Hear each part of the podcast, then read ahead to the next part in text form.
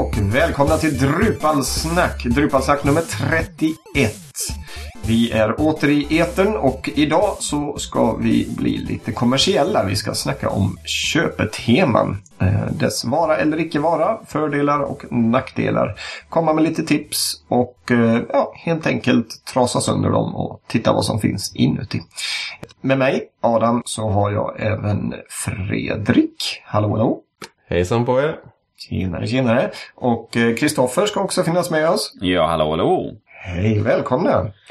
Är ni redo att snacka lite om teman och inte vilka teman som helst utan köpeteman? Absolut. Ja.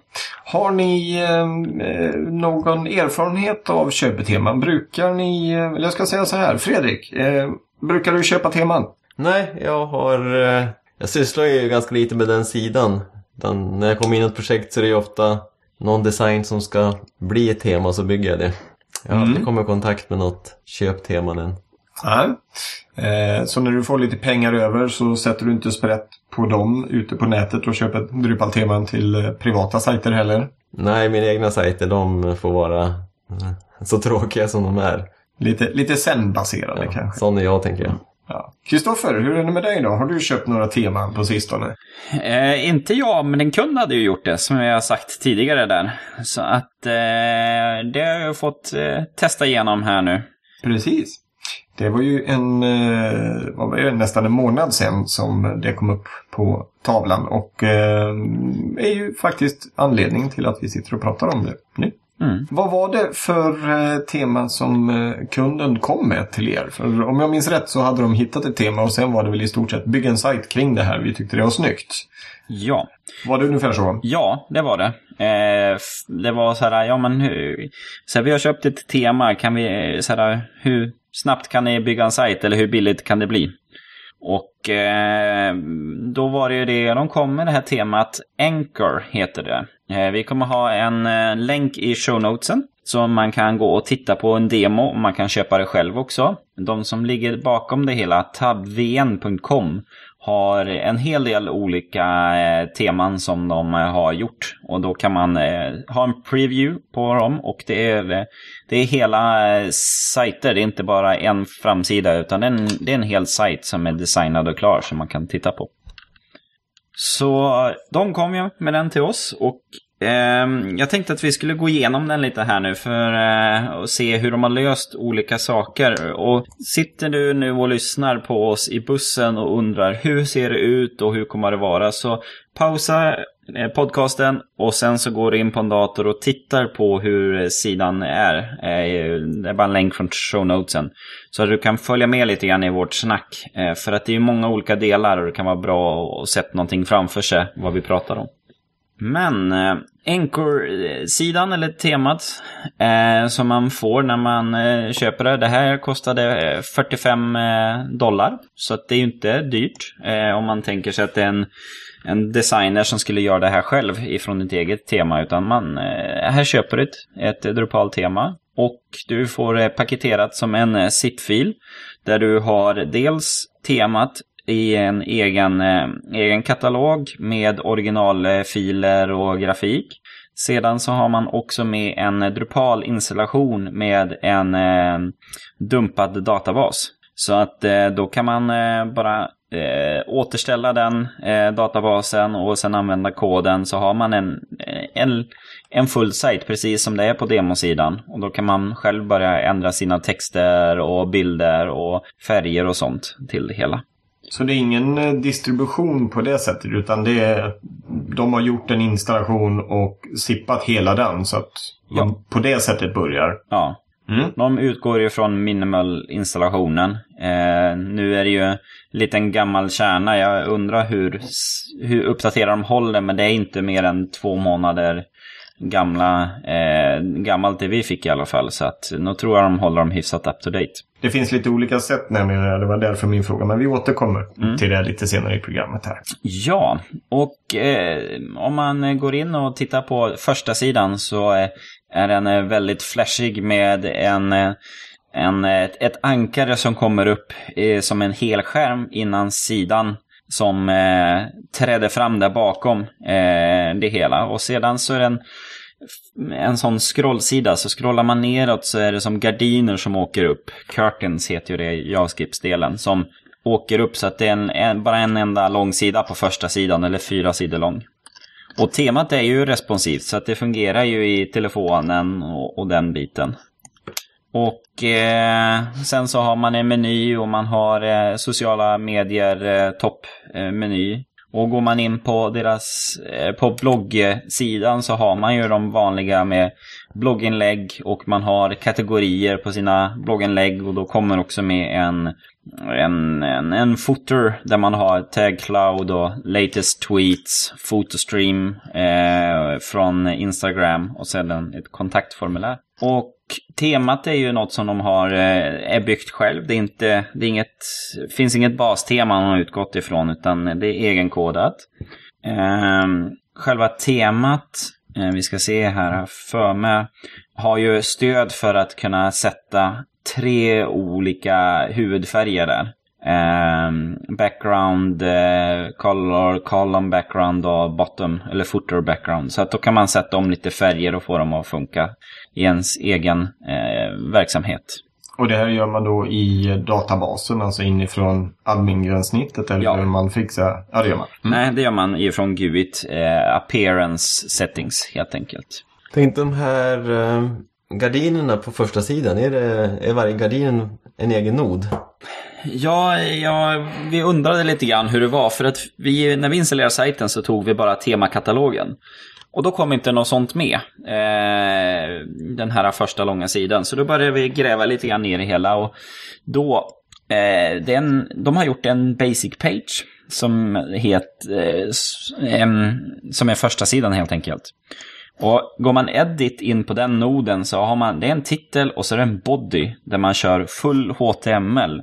Och här har man skrivit en OL-lista med LI-argument. Där man har bakgrunden inlinad i style eh, delen för LIN och där man har sin grafik eller sin text med H4, H1 och, och ren, det är ren HTML för de fyra sidorna och längst ner så har man eh, för pilar uppåt och neråt. Eh, för att det ska funka. Och sen så har man då ett, ett JavaScript, Curtains JS, som inte maintainas längre på GitHub. Eh, som tack vare att man skriver ren HTML så fungerar ju det JavaScriptet och eh, gör det fint och eh, stylat och klart. Men det är ganska dålig lösning egentligen. För det här innebär ju att som slutanvändare så måste du skriva HTML med divar och eh, klasser och du skriver CSS eh, direkt in i noden i body. Ja, det känns väl inte som någon direkt hållbar lösning. Det, det blir ju lätt att det kraschar då kanske. Om de som sitter och, och redigerar inte är riktigt med på den lösningen. Ja.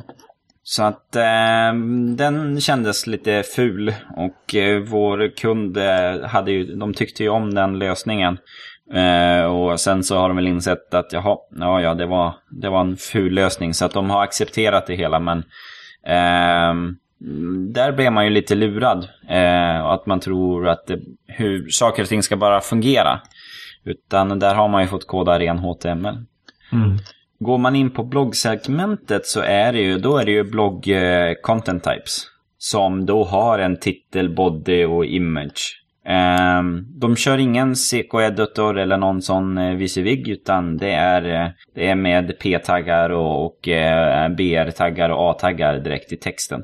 Um, men de använder taxonomy för uh, taggar som används till det hela så att på det sättet är de ju inte så tokigt till. Um, och sen eh, så här, under portfolio där har man då en portfolio content type. Men där har jag för mig, där var man... Nej, där har man också gjort på okej okay sätt. Man har skapat en egen nottyp då? Ja. Mm. Och sen till temat så har de ju också eh, det följande med. De har ju ändå stylat några saker. Så en undersida under Pages där finns det elements och där kan man ju se, ja men knappar, de har de ju jobbat med med färger och lite form och horisontella tabbar och vertikala tabbar, accordio och Eh, även Lightbox-rutor som visar sig att det är Colorbox de kör, Fredrik. Ja, jag såg precis det. Ja. Och eh, lite sådana här designelement. Så att de har ju ändå designat upp dem i CSS. Och använder man sådana element i sin sida i övrigt så, eh, så är de stylade enligt det här grundtemat.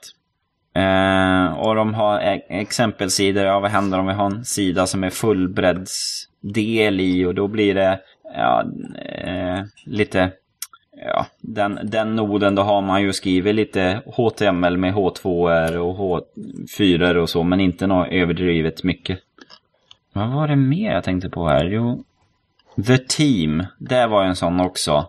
Eh, där man som bläddrar neråt så kommer de olika personerna i, i, i, eh, i företaget, för det här fiktiva företaget. Från början blev jag lite så här, undrar om det är riktiga utvecklare, men när de har Vdn heter John Doe, så då är det nog inte riktiga. Men trevligt man kom till nummer tre där. Brian, Whipping Boy, and Unfortunate Bloke. Kontaktsidan, där har man nog jobbat med eh, Blocks va? Jag blev lite osäker hur den är gjord som, för där använder man ju Drupals inbyggda kontaktformulär som finns i Core. Det där uh, We're Anchor-blocket på sidan, det är ett vanligt block. Det är vanligt block. Men den här kartan som man har gjort, nu ska vi se hur den, hur den kan tänkas vara. Där har man ju gjort en Google-karta som man har färgat till lite grann. Och eh, då måste jag bara göra lite ett kort tips för snazymaps.com.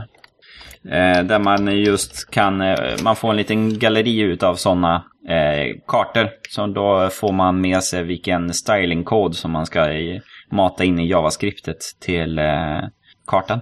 Men överlag så, man får ju mer. Det enda som är med sajten som är lite fult är att man har ju eh, gjort de här curtains är ju i hårdkodad eh, HTML.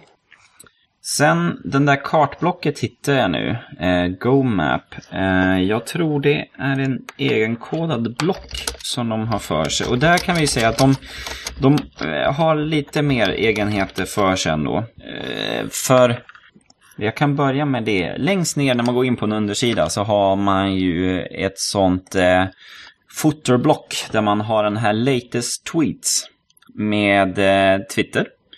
Och det är ett block som de har kodat i kod så att man kan köra configure på det blocket. Och då i, eh, så finns ett fält där man eh, bara skriver in sitt Twitter username och eh, hur många tweets som man ska se.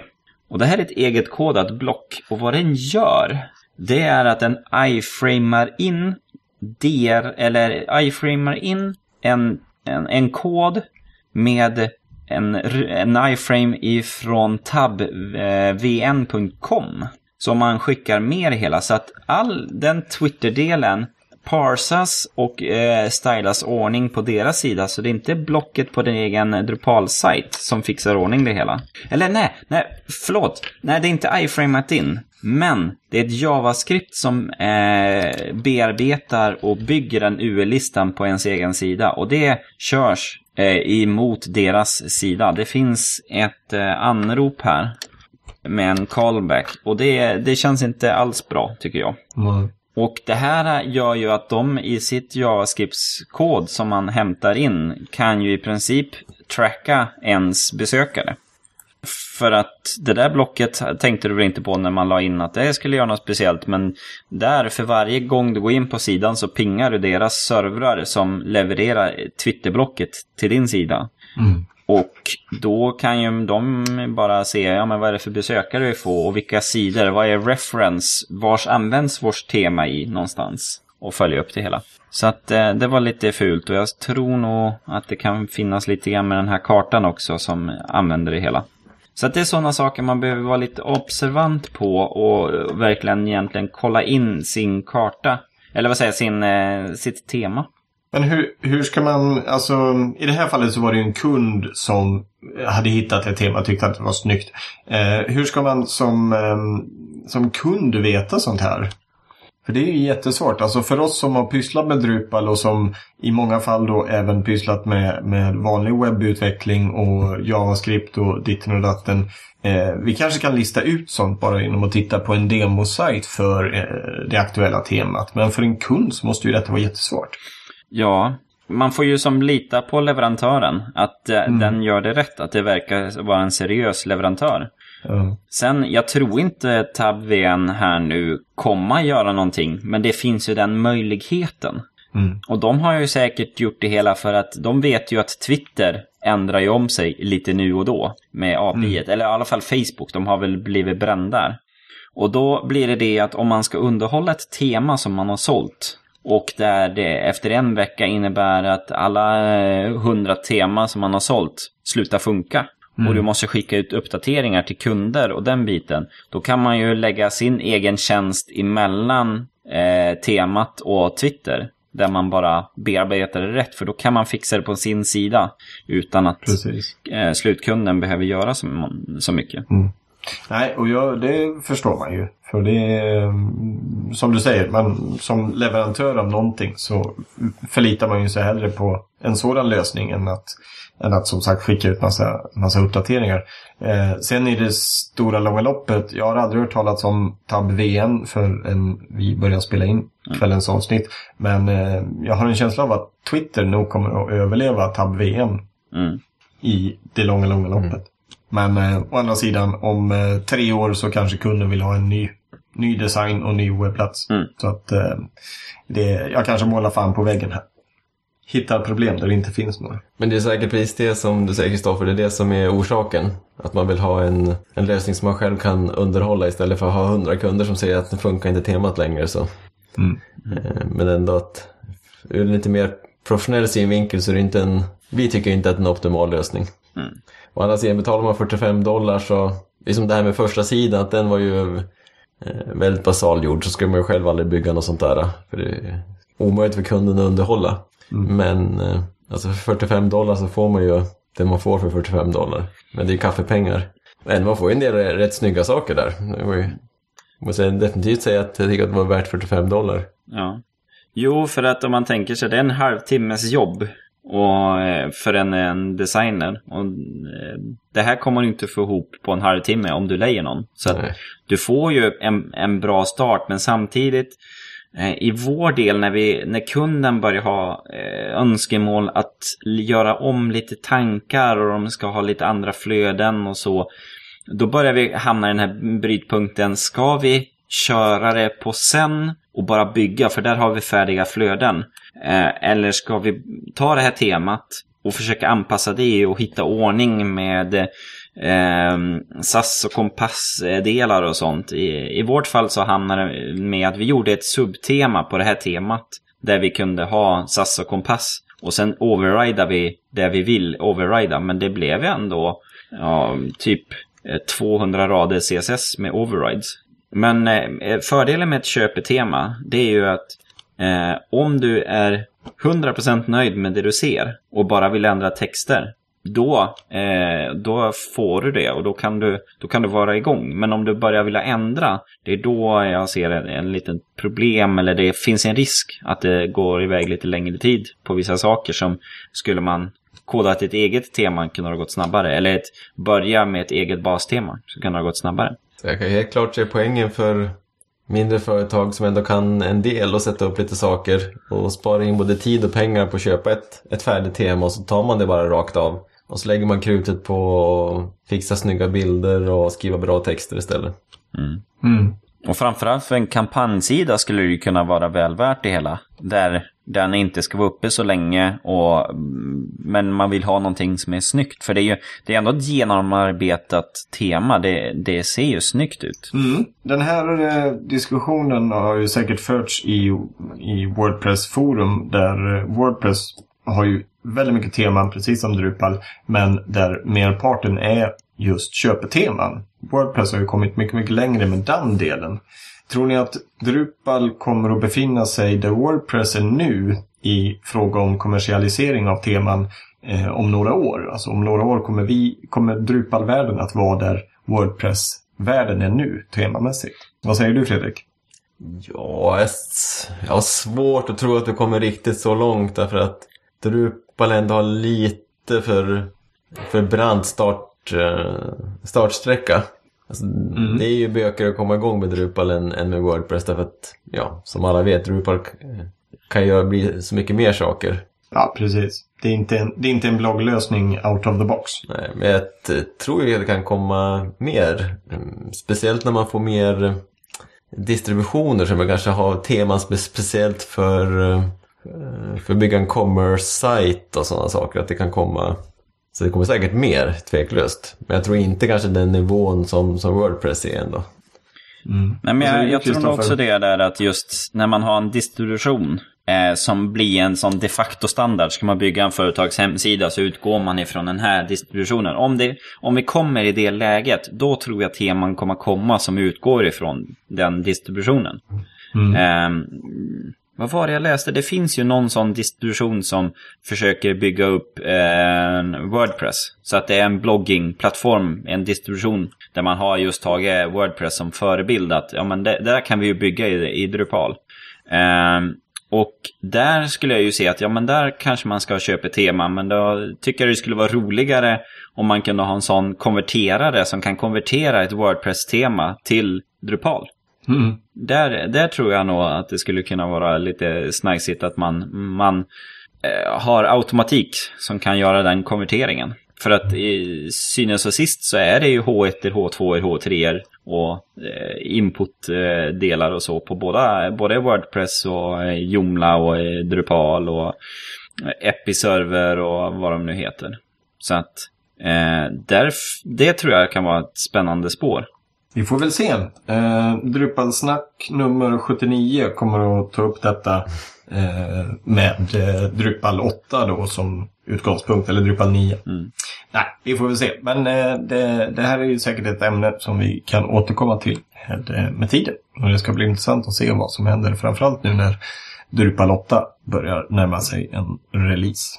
Har ni tittat något på ungefär vilka prisgrupper som eh, köpeteman för Drupal ligger i? Nej, jag tycker väl mycket blir ju att eh, man, eh, man oftast har en designbyrå som har tagit fram en design och då utgår man därifrån och kodar in det. Och då är det ju per timme som det kostar. Ja, nej precis.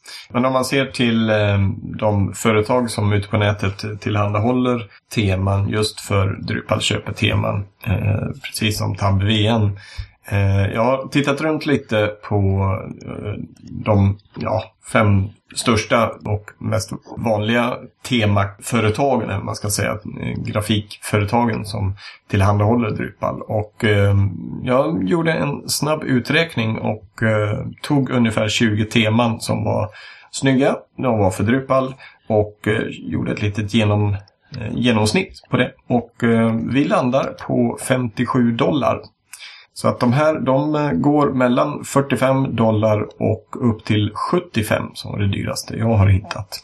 Det finns säkert de som kostar mer naturligtvis och det finns säkert de som är billigare också. Men för en, eh, vad blir det, 500 ungefär, svenska 500 kronor så får man alltså olika temalösningar. Och som du säger Kristoffer, att sätta en utvecklare och ta fram ett eh, speciellt tema för en speciell sajt och en speciell kund och sen då en utvecklare, flera utvecklare som sen ska CSS-koda och JavaScripta. Så eh, det går inte riktigt att, att jämföra. Så att hittar kunden ett tema så, som de är nöjda med så är ju detta en otroligt konkurrenskraftig förslag eller konkurrenskraftigt lösning på just temabiten.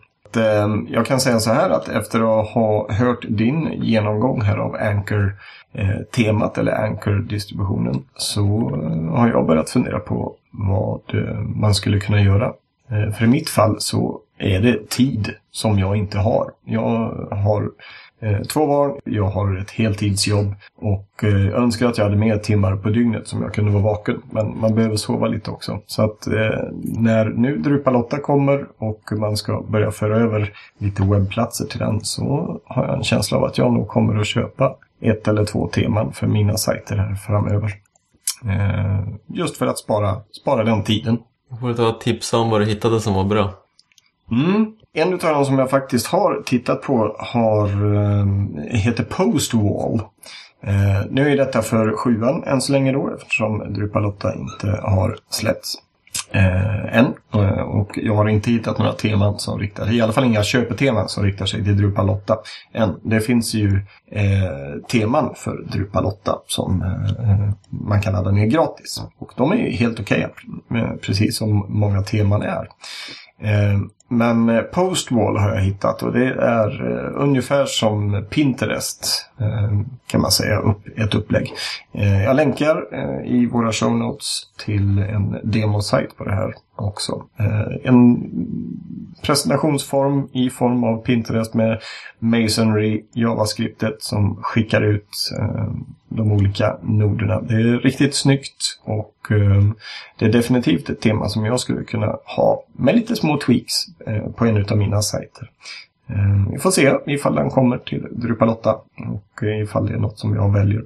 Men jag kan definitivt eh, tänka mig att lägga 500 spänn på att, på att köpa ett tema. Och så får man ju bara hoppas då som sagt att det inte är några konstiga små lösningar utan att man kan ta med hela det här tänket i sitt eget Drupal-tänk eller Drupal-görande.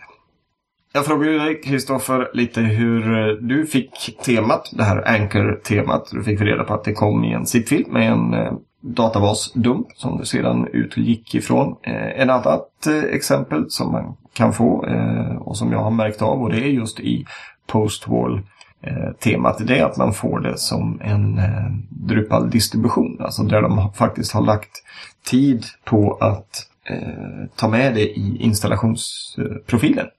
Ehm, så du får en hel Drupal-installation och där i installationsskedet så kan man då välja en postwall installation. Istället för minimal och standard så presenterar man då med en postwall installationsskede. Ser ni någon fördel eller nackdel med en sådan, ett sådant tillvägagångssätt? Fredrik, några spontana tankar? Ja, installationsprofiler gillar jag. Då har man ju någonting... Eh, det, det märks att de har lagt ner lite mer jobb på det. Och sagt lättare att underhålla och eh, se som få en uppdaterad Drupal-installation på en gång och allting. Kristoffer? Fördelen, ja. Eh, fördelen med att få en, en databasdump är ju det att vi fick ju mer eller mindre en komplett sajt med demodata och content types färdigdefinierade.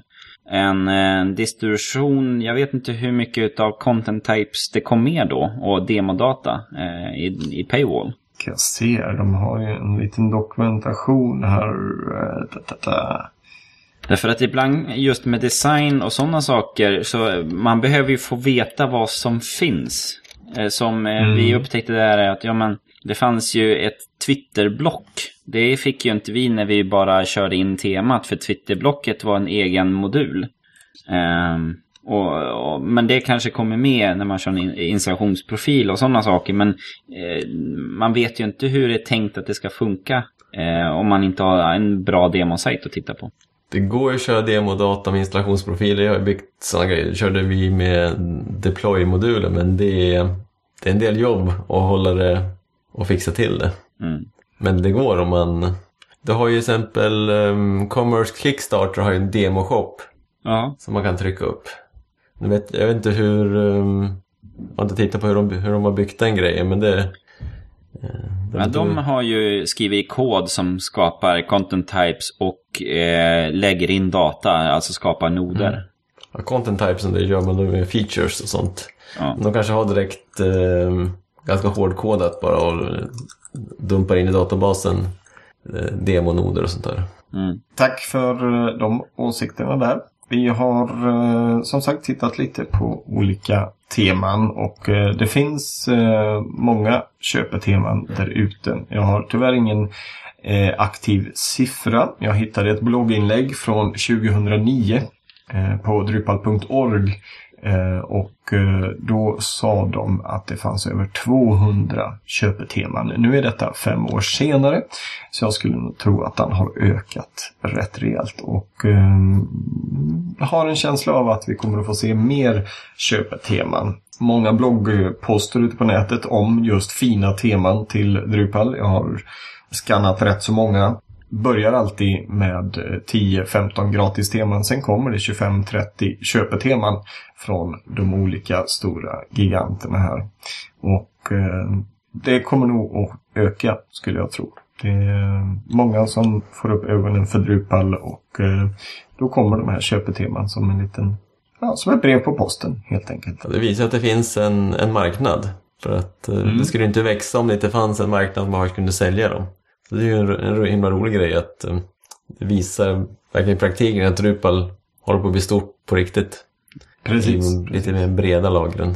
Och sen fördelen jag tänkte just med ett köpetema där också, det är ju att man kan ju ställa lite krav på leverantören. För laddar man ner ett, eh, ett gratis tema och det inte funkar i en uh, iPad så kanske man inte kan komma och klaga så mycket utan då är det ja men fixa det själv, det var en ny version sedan två månader tillbaka. Uh, men ett köpetema så har man ju någon man kan vända sig till och säga att ja, men här, det här är en bugg och jag har betalt för det hela. Mm. Det här borde fixas. Precis. Vad jag också har märkt eh, när jag har surfat runt på de här det är att många eh, som levererar köpeteman också har gratis teman ehm, på Drupal.org. Så att eh, de bidrar lite till Drupal-gemenskapen också genom att ha några teman där. Men ehm, förstår ju också att det är en liten krok att titta, här har ni ett fint gratis tema. Ehm, jag jobbar här eller detta är mitt företag. Vi gör andra saker också. Men eh, det är ett sätt att eh, dels få upp ögonen för företaget men det är ju faktiskt så också att i och med att de har ett gratis tema så kan man ju använda sig av det om man är nöjd med det. Och sen är det ju som så att allt på drupal.org är ju licensierat med GPL2.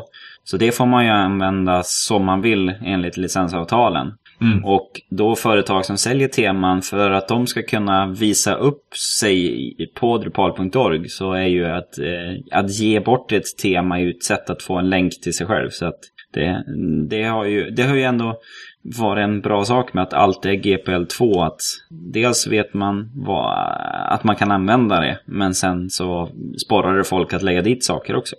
Exakt. exakt.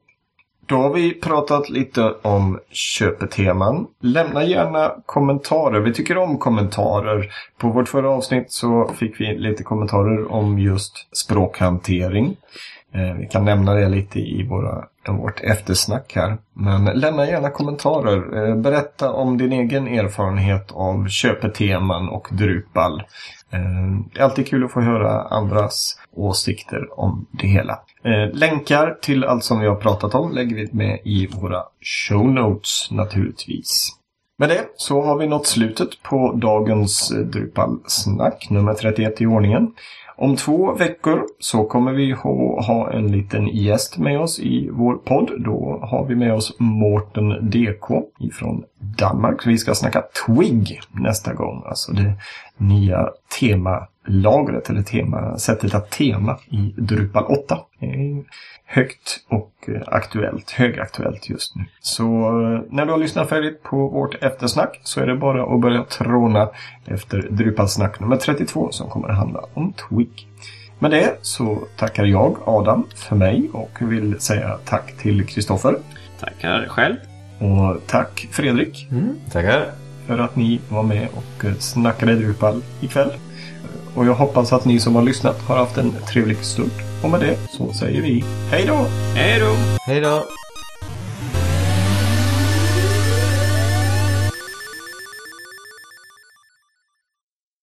Ja, då var Sådär, ja. ännu ett avsnitt avklarat. Mm. Mycket redigering på mig idag. Ja, du kanske kan um, redigera dig frisk också. Och sen Fredrik med. Lite hostningar och harklingar kan vi ta bort. Ja. Och så fixa till rösten sådär tycker jag. Kanske autotuna oss. Ja. Vi kanske ska ha sådana som alltid är så här som sångers sångerskor och sångare som inte kan sjunga har. De låter som de sjunger rent. Mm. Ja. Köpeteman bockar vi av i vårt Trello-board. Trevligt, trevligt. Ni som är kvar har börjat lyssna nu på Drupalsnacks eftersnack. Här blir det lite allt möjligt som dyker upp. Eh, vad som faller oss in helt enkelt. Eh, jag nämnde ju att vi hade fått ett par eh, kommentarer på eh, vårt förra avsnitt, eh, Drupalsnack nummer 30, som handlade om språkstöd. Eh, det här var en, eh, eh en användare som heter Webfeeden som tipsade om Entity Translation i ett eh, projekt som de hade kört. Eh, och de tipsade även om Lingotech, ett översättningsföretag eh, som även har en egen Drupal-modul eh, där man helt enkelt laddar upp en nod till deras gränssnitt och sen arbetar man med översikt översättning i deras verktyg. Och sen när hela arbetsflödet är klart där så bara man tankar ner översättningen igen. Eh, de säger att det fungerar helt okej, okay, stödjer menyer, taxonomier och liknande. Eh, är det någon av er två som har eh, någon erfarenhet av Lingotech? Nej, jag har hört talas om det. Inte mer än så. Eh, samma här, men jag har inte jobbat med det själv. De har väl ändå gjort lite bass kring sig själv. De har ju bloggat lite grann och, och så varit med på lite eh, vad heter det, eh, Drupal Camp och Con och sånt. Okej. Okay. Mm. Så att, eh, det är intressant. Jag tycker det är bra med sådana här extra tjänster runt omkring. Och just med översättning som är så pass svårt också. Så är det ju jättekul. Mm. Det verkar faktiskt som någon ska vara med på uh, DrupalCon i Amsterdam i oktober. September-oktober. Mm. Uh, de är till och med silversponsor. Så att uh, det verkar som att de uh, tycker om och satsar på Drupal. Mm. Lingotech, förstår jag fel? Kan man använda det för att ta in hyrda översättare och, så de kan jobba i lingotech-snittet och inte behöver lära sig Drupal. Så har jag förstått det, ja. En väldigt eh, intressant idé. Jag hoppas de får det att funka på ett bra sätt. Mm. Entity Translation-modulen är också intressant, precis som man skriver här att det Drupal 8 bygger på. Jag har aldrig testat en Drupal 7, men det kanske man nästa gång man har något sånt projekt borde kanske spana in den. Mm. Var det någon mer rolig feedback vi hade fått för olika saker?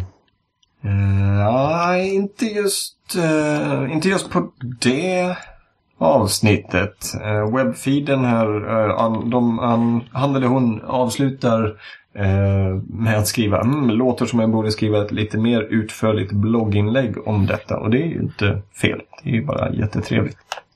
Om man kan få läsa lite sådana. Så vi kan spåra till fler blogginlägg.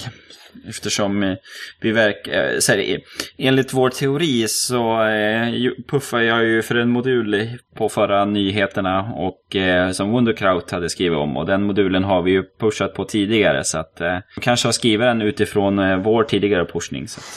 Såklart. Det var i alla fall vad jag tror. Mm. Ja, det var Stagefile Proxy där som du nämnde. Mm. Eh, och den hade vi med så tidigt som i avsnitt nummer 14. Eh, och eh, väldigt kort förklarat så är det ju en modul som i din lokala utvecklingsmiljö, eller den, den suger ner eh, bilder från en annan version av din Drupal-sajt. Man ska säga. Om du har det lokalt så anger du URLen till din live-sajt. Och när bilder efterfrågas i din lokala utvecklingsmiljö så sugs de ner av Stagefile Proxy. Så att du behöver inte tanka ner hela files-katalogen. Det är en eh, någorlunda bra beskrivning. Ja. Mm. Mm. Jag börjar ångra att jag sa kortfattat innan, för det kändes inte alls kortfattat. Jag använder den typ för jämt. Mm. Jo, samma här. Det är, det är otroligt skönt att låta den ta hand om, om bildnedladdningarna. Ja, hur ser det ut på Drupal-kartan i veckan som har gått? Och Fredrik, vad har du jobbat med? Är det något du eh, kan berätta utan att bryta mot eh, 240 sidor lagtext och eh, paragrafer i amerikanska kontrakt. Eh, det projektet är faktiskt avslutat. Så att, men jag jobbar med... Jag har ett långtgående projekt med Open Technology Found. Radio Free Asia-grej. Så de har... Det jobbar jag på med. Mycket rättighetsgrejer och sånt där som ska till. Men det är ett kul projekt. Jag har dragit med Stockholm Connection där också så de får fixa lite UX och sånt. Eh, mm. Snygga saker som vanligt. Kan du köpa ett tema eller? ja, jag tror... Ja. Finns, finns inget tema i världen som går upp mot Stockholm Connections kunskaper, eller hur? Har man... Eh, Sponsring! Stora, har man stora projekt har väldigt speciella krav så måste man bygga ja. från början, så är det Precis. Mm. Och när vi pratade sponsring här nu då, så då kan man ju vara och donera till oss. För vi eh, vill ju gärna eh, skicka i alla fall Adam iväg till Drupalcon i Amsterdam. Så att eh, då kan ni ju gå in på vår hemsida under om oss. Så har vi dels donera-knapp på Paypal men även Swish som man kan donera pengar så eh, kan Adam få vara med och se vad som händer i Amsterdam. Det tar vi gärna emot ett, en, en sådan eh, uppmaning. Amsterdam har jag aldrig varit i. Det har varit trevligt att besöka Red eh, District. Nej!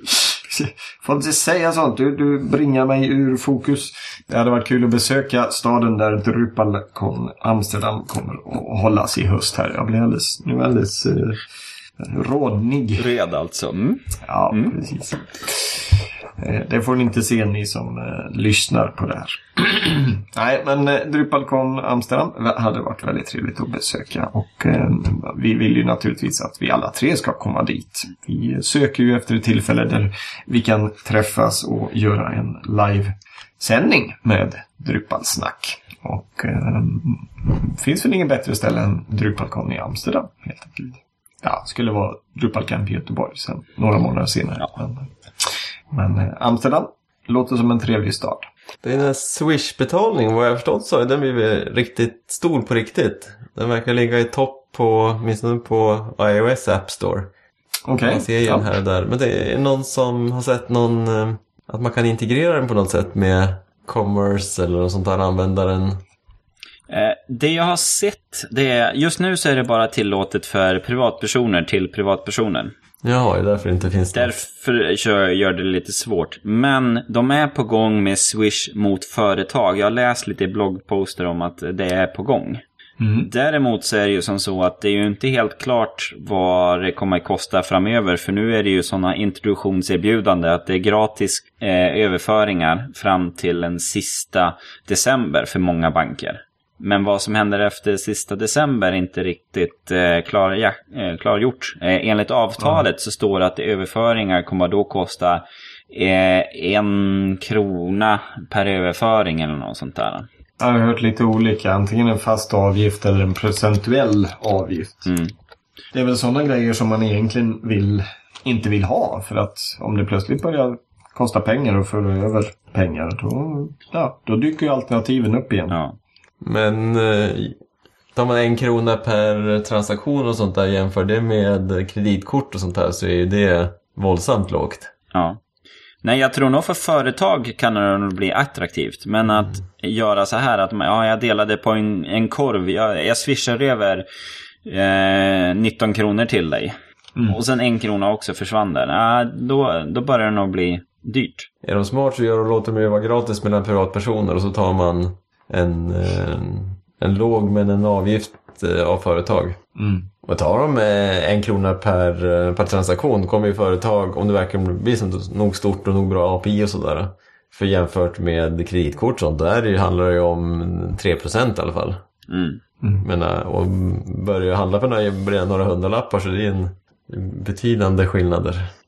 Det är väldigt intressant för att knäcka kreditkortsföretagens det vore väldigt trevligt. Det är bara problem när man ska ha utländska kunder ska betala via Paypal för de tar ju också 3-3,5 procent om man har företagskonto. Det blir, mm. det blir pengar när man har lite större saker. Att det egentligen ska vara så dyrt att skicka pengar mellan varandra. Ja, för det är att... helt... Det finns ingen rim och reson. Ungefär som att det, eh, det är som telebolagen tar betalt för sms som inte kostar någonting att göra egentligen. Mm. Det är bara ett... Det har ingenting med egentligen vad tjänsten kostar utan det har ju allt att göra med vart kan man ta betalt? Mm. Mm. Ja, vi får gå över till bitcoin. Då är det ju gratis. Vad ligger den i nu för tiden? Den var ju uppe i 1000 dollar men den rasar väl ner lite igen. Ja. Jag har inte hört något om bitcoin på länge känns det så. Ja, jag har läst lite grann, det har kommit upp lite bloggdelar mm. men det är mer om vilka konkurrenterna är kring det hela. Mm. De hade ju ett par, tre bitcoinföretag som åkte dit ordentligt och var något var rena pyramidgrejen och, och som bara tekniken bakom för dem var bedrövligt primitiv och mm. ingen säkerhet alls egentligen. Så de skadades väl lite grann av det. Ja, här står det 440 om jag... Om de, eh, Kollar känns du på som Forex eller? Nej, plus 500.se, världens handelsapplikation. Ja, det är ju... Ja, de har lite historik. Då visar den att den var uppe på 1000, men den har ju som halkat ner lite grann. Så den är på runt 400-500 kronor. Eller 500 dollar där då. Men jag tittade på att när jag läste om det där första gången hade man satt igång och kört en miner på den tiden. Då hade man kunnat haft pengar. Jag läste om att det finns en, en inbyggd eh, brist i bitcoin som gör att om du kommer om du har mer än hälften av beräkningskraften i nätverket så kan du eh, inte hacka det, men du kan typ komma över jättemycket. Ja. Ja, nej, men du, ja, du, man kunde göra om någonting med pengarna. Så att du kunde i princip ta över all valuta. För att man signerar ju alla transaktioner. Och har du mer än hälften så kan du signera sånt som du inte borde kunna signera. Och det har gjorts två försök med sådana här stora eh, sammanslutningar där man försökte göra det hela. Och man har varit nära men man har inte lyckats. Och sen nu har det gått något år så att nu är det ju så grymt mycket beräkningskraft. Så man kommer inte lyckas numera. Men det var inte allt för långt ifrån. Jag kan söka upp det blogginlägget när man skrev om det hela. Men det börjar ju komma bitcoin eh, kreditkort. Så du betalar i butik och det dras från ditt bitcoin-konto. Men så länge valutan fluktuerar sådär så har man nog lite... Jag ska ju inte lägga alla mina pengar där. Nej, det är ju spännande och fascinerande men, men jag håller ju med. Det, man, man vill ju ha något stabilt när det gäller ens ekonomi. Fast ibland en del riktiga valutor är inte speciellt stabila de heller. Jag tänkte säga det, en e- europeisk bank, det är stabilt eller? Grekiska. Mm. Grekiska banker. Ja. Sen, vi pratade tidigare om vad vi har gjort i veckan. Eh, Jag har, vi har på gång en, en tjänst eh, som vi ska bygga i Drupal. Eh, vi håller på att li, bygga lite proof of concept. Och då kom vi in här med, det ska kopplas med lite utbetalningar och hur man kan sen lösa det mot bank. Och då är det ju filuppladdning används ju ganska mycket. Att man eh, i bokföringsprogram gör sina underlag och sedan genererar man en, en fil som man laddar upp i internetbanken och sen godkänner där. Eh, och de här filstandarden, den finns ifrån bankgirot, eh, har ju en sån central. Och där märker man att det här är ett, ett filformat sedan gammalt tillbaka. För raderna är 80 tecken långa. Och varje tecken är definierad hur lång, en, en rad, den har en, en, eh, vi ska se här, en, en utbetalning här. Ja, vi kan ta en löneutbetalning. Den ska börja med eh, siffran 35. Sen så kommer det år, sex tecken. Sen ska det vara blankt fyra tecken, för det är ett reservfält. Sedan så är det betalningsmottagarens kontonummer, där det är 16 tecken. Sen kommer belopp, det är 12 tecken högerställt, nollutfyllt, kronor och öron vid- och 00 vid jämna belopp. Sen är det 18 rader blankt. Sen så kommer det anställningsnummer eller personnummer och eh, 10 tecken. Och sedan så har man eh, meddelandet. Det är 12 tecken och det är ASCII med Latin 1 som gäller. Hmm. Så att det är väldigt intressanta. Och tittar man på filen som genereras. Ganska lätt att parsa i alla fall om det verkligen är... Ja, ja, det är ju, och det är ju sådana här stordatorsystem. Men att läsa den själv och försöka lista ut vad de står för, helt omöjligt. Det har gjort. Det ska vara lätt och effektivt för maskiner. Ja. Det är så mycket sådana här vaxar och grejer. Eh, Minidatorsystem måste vara tuffare och tuffare och tuffare och tuffare. Och ofta en mycket högre driftsäkerhet Mm. än många moderna system. Angående det, eh, Ubuntu eh, 14.04 har ju kommit. Det är ju en ny LTS. Mm. Eh, Eh, vad kör den? Apache 2.4 hoppas jag? Ja, Apache 2.4. 5... POP 5.6. 5.6 till och med. Nej, 5, vänta. Nej, 5.5, förlåt. Mm. Och MySQL däremot är det där bara 5.5. Det går att installera 5.6, det finns i repositoryt, men alla paket har ju dependency på 5.5. Så att... mm, Kör de MySQL eller har de bytt till MariaDB? Nej, MariaDB 5.6 finns som alternativ. Men eh, det är eh, MySQL 5.5 som är default. Så att det tycker jag att där har man inte klivit upp direkt någonting. För det var ju samma. Det är ju samma som det är på 1204 LTS. Så att det är samma version efter två år för en databasmotor. Det är, ja, det har inte hänt mycket då. Och för er som inte vet vad LTS betyder så står, be, står ju det för Long Term Support. Och eh, det har jag precis googlat upp. Mm. Men eh, ni som pysslar med Ubuntu kanske kan förklara vad det, vad det i sin tur betyder. Det innebär att Ubuntu Community går ut och säger att den här versionen ska supportas i fem år har jag för mig det. Ja. Eh, och där nu emellan så kommer det komma varje halvår en ny version, men de supportas bara i två år. Så därför så är det väldigt bra att kliva upp på en LTS-version nu. För det man kör nu, det kommer att funka i fem år och sedan så är det nog dags att byta maskin och då kan du ta en ny LTS.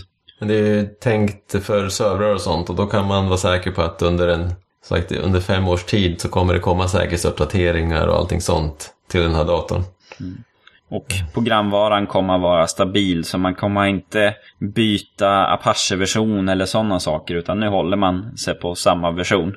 Eh, nackdelen är ju som sagt att nu när det kommer nya versioner av MySQL eller MariaDB så får man inte ta dels av dem utan att göra eh, vad ska man säga, speciallösningar för sin server. Men då kan man tappa lite grann support och sånt. Så att, eh, det är bra att hålla sig till standardprogram eh, som kommer med eh, själva versionen. Så att, eh, därför är det bra att man har klivit upp nu Apache 2.4 och i, och i POP. Att man har klivit upp där till 5.5. Apache 2.4 ser jag fram emot och, och få börja använda. Jag kan köra POP på lite roligare sätt där än köra med mod POP. Enda problemet är att Drupal eh, 7 har, eh, har en bugg eh, som jag har rapporterat och jag har patchat och sen har den studsat lite grann och den är inte fixt än. Eh, men det gör eh, för eh, syntaxen eller lite grann eh, kommando eller så här plugin, moddar till Apache har ändrats. Så just de här katalogsäkerheten skrivs lite annorlunda i eh, V-host-filer och htaccess. Så att det finns en patch för det hela som eh, bör läggas in snart tycker jag. Du då Adam, har du gjort något kul här nu? Nej du. jag lyckades dra på mig en uh, ny sjukdom här. Jag samlar dem som någon jäkla hockeykortsamling känns det som. Det var länge sedan jag varit så här mycket sjuk på så kort tid. Nej, jag drog på mig en, en rejäl förkylning uh, som har satt sig på mina lungor känns det som. Så att jag har faktiskt legat hemma på soffan och tagit det så lugnt jag bara kunnat. Så det har inte varit så mycket druplande.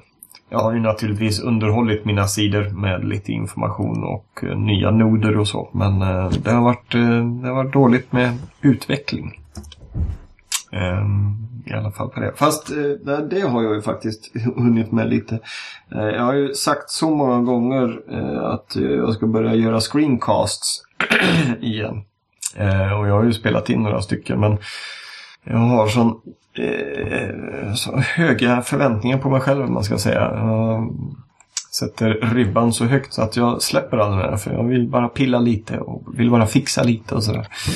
Men eh, jag har börjat komma till en nivå där det faktiskt skulle kunna funka med att släppa något. Ett, något slags grafiskt maner som på något sätt innesluter alltihopa. Det enda, det enda är väl att det grafiska maneret som jag har börjat få färdigt nu i själva eh, screencastsen går inte i stil med det jag har på min webbplats. Så att då kanske det slutar med att då gör jag om temat på min webbplats och så utvecklas det och så får jag börja om från början igen. Jäkla Sisyfos-arbete. Mm. Men eh, det har jag hunnit göra. Det är inte direkt Drupal. Det är mer eh, Final Cut Pro och eh, Photoshop och Illustrator. Men eh, slutresultatet har ju med Drupal att göra i alla fall. Så får vi se här. Men, eh, och sen installerar jag senaste versionen av Drupal. Eh, Alfa 11 eller Alfa 12. Kommer inte ihåg. Eh, och titta lite på den och det var väldigt intressant. Eh, hittade mycket nya grejer som som eh, har kommit med i Drupal-versionerna och eh, var absolut inga problem att installera. Eh, tidigare som jag har prövat så har det inte riktigt nått ända fram och det har blivit databasfel och det är något som har slutat att fungera så. Men det, det fungerar så smidigt så att jag började titta lite på hur migrering ska fungera från eh, Drupal 6 och Drupal 7 till eh, Drupal 8. Och eh, hittade en bloggpost på Acquia där man i stort sett kommer att kunna sätta upp ett migreringsflöde från 6 till 8 eller 7 till 8. Eh, där du får en, en continuous aggregation. Så att du kan fortfarande hålla på och posta, eh, skriva nytt material på din gamla Drupal-sajt. Men din Drupal 8-sajt suger in det på ett bra sätt eh, under tiden. Och så kan du hålla på och utveckla din Drupal 8-sajt. Och när allt är färdigt temamässigt och, och kanske ny funktionalitet och så, så bara du lanserar den sajten och stänger ner den gamla så har du liksom synkat allt innehåll.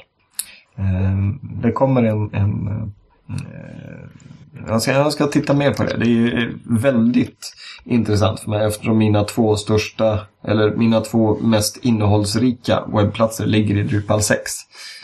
Eh, och de är ju aktiva. Jag postar ju flera, flera noder eh, varje dag. Så att det är väldigt intressant. Det, jag tror jag kommer ägna sommaren till att kolla mer på det här och kanske börja laborera med det. Mm. Ja, det är spännande. Då har vi en följetong för dig också. Mm. Du nämnde ju på nyheten också, um, Kristoffer, att eh, PSO4 eh, mm. issuen har blivit committad. Mm. Det är dags att göra om alla sina Drupal 8-moduler igen. ja. Fast det är väl egentligen bara att flytta katalogen, eller är det något mycket mer man behöver göra om? Nej, det borde väl bara vara det hoppas jag. Jag har byggt om dem två gånger redan, så jag... Mm. Men nu tror jag både um, Colorbox och eh, Markdown-filtret eh, faktiskt fungerar. Mm. Alltså jag överväger att i Colorbox riva ut all sån här extra funktionalitet jag byggt på genom åren och göra det till en ren field formatter och så får allting annat ligga i någon annan sidomodul. Vissa har ju den där extra. DisplaySuit har ju gjort så. Mm. Så DisplaySuit har en undermodul som heter extra som man får aktivera om man vill ha det. Mm. Så en sån lösning kan ju vara... Jag tänkte låta någon annan bygga den. ja. Mycket lättare att underhålla om man har det lite mer renodlat. Ja, men vad säger vi? Nu börjar vi känna oss tömda på kvällens ämnen också. Så, så. Min hals behöver vila. Ja, vi har pratat mycket här nu. Jag är framme i visken här nu. Får tacka för ikväll pojkar. Ja. Detsamma, detsamma. Ta hand om er. Så får eh, Adam klippa och fixa och dona med oss så att vi låter lite vettiga. Mm. ja, får testa lite nya filter här. Och eh, glöm inte att bättra på er eh, dengelska inför nästa gång. Ja. Så att vi kan prata med Mårten om Twig. Slipa upp vår Twig-vokabulär. Ha det så bra. Hej då. Hej då. Hej då.